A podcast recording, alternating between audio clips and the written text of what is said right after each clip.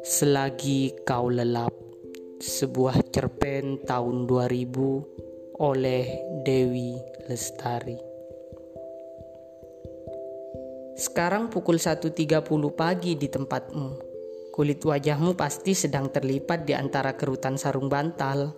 Rambutmu yang tebal menumpuk di sisi kanan Karena engkau tidur tertelungkup dengan muka menghadap ke sisi kiri Tanganmu selalu tampak menggapai Apakah itu yang selalu kau cari di bawah bantal?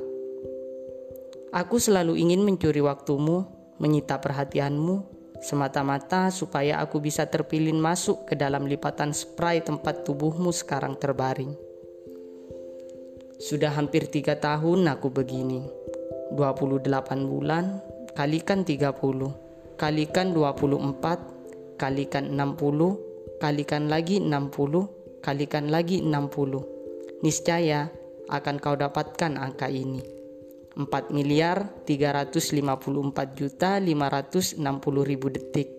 Itulah banyaknya milisecond sejak pertama aku jatuh cinta kepadamu. Angka itu bisa lebih fantastis kalau ditarik sampai skala nano. Silakan cek. Dan aku berani jamin engkau masih ada di situ, di tiap inti detik dan di dalamnya lagi dan lagi dan lagi. Penunjuk waktuku tak perlu mahal-mahal. Memandangmu memberikanku sensasi keabadian sekaligus mortalitas. Rolex tak mampu berikan itu. Mengertilah, tulisan ini bukan bertujuan untuk merayu. Kejujuran sudah seperti riasan wajah yang menor, tak terbayang menambahinya lagi dengan rayuan. Angka miliaran tadi adalah fakta matematis, empiris, Siapa bilang cinta tak bisa logis? Cinta mampu merambah dimensi angka dan rasa sekaligus. Sekarang pukul 2.30 di tempatmu. Tak terasa, sudah satu jam aku di sini. Menyumbangkan lagi 216.000 milisecond ke dalam rekening waktuku. Terima kasih. Aku semakin kaya saja. Andaikan bisa kutambahkan satuan rupiah, atau lebih baik lagi dolar di belakangnya. Namun engkau tak ternilai. Engkau adalah pangkal, ujung, dan segalanya yang di tengah-tengah. Sensasi ilahi, tidak dolar, tidak juga yen mampu menyajikannya. Aku pernah terlalu tahu keadaan tempat tidurmu. Bukan aku yang sering ada di situ, entah siapa.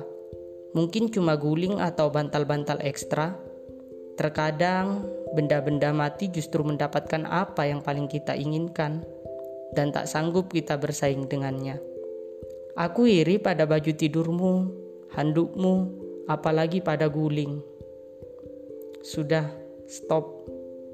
Aku tak sanggup melanjutkannya. Membayangkannya saja ngeri. Apa rasanya dipeluk dan didekap tanpa pretensi? Itulah surga dan manusia perlu beribadah jungkir balik untuk mendapatkannya. Hidup memang bagaikan mengitari gunung Sinai. Tak, tak diizinkannya kita untuk berjalan lurus-lurus saja demi mencapai tanah perjanjian. Kini, izinkan aku tidur, menyusulmu ke alam abstrak di mana segalanya bisa bertemu. Pastikan kau ada di sana tidak terbangun karena ingin pipis atau mimpi buruk. Tunggu aku. Begitu banyak yang ingin kubicarakan. Mari kita piknik, mandi susu, potong tumpeng, main pasir, adu jangkrik, balap karung, melipat kertas, naik getek, tarik tambang. Tak ada yang tak bisa kita lakukan, bukan? Namun, kalau boleh memilih satu, aku ingin mimpi tidur di sebelahmu. Ada tanganku di bawah bantal, tempat jemarimu menggapai-gapai Tidurku meringkuk ke sebelah kanan, sehingga wajah kita berhadapan. Dan ketika matamu terbuka nanti, ada aku di sana.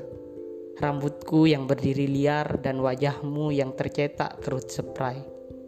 Tidak ada yang lebih indah dari cinta dua orang yang di pagi hari dengan muka berkilap, bau keringat, gigi bermentega, dan mulut asam Mereka masih berani tersenyum dan saling menyapa. Selamat pagi.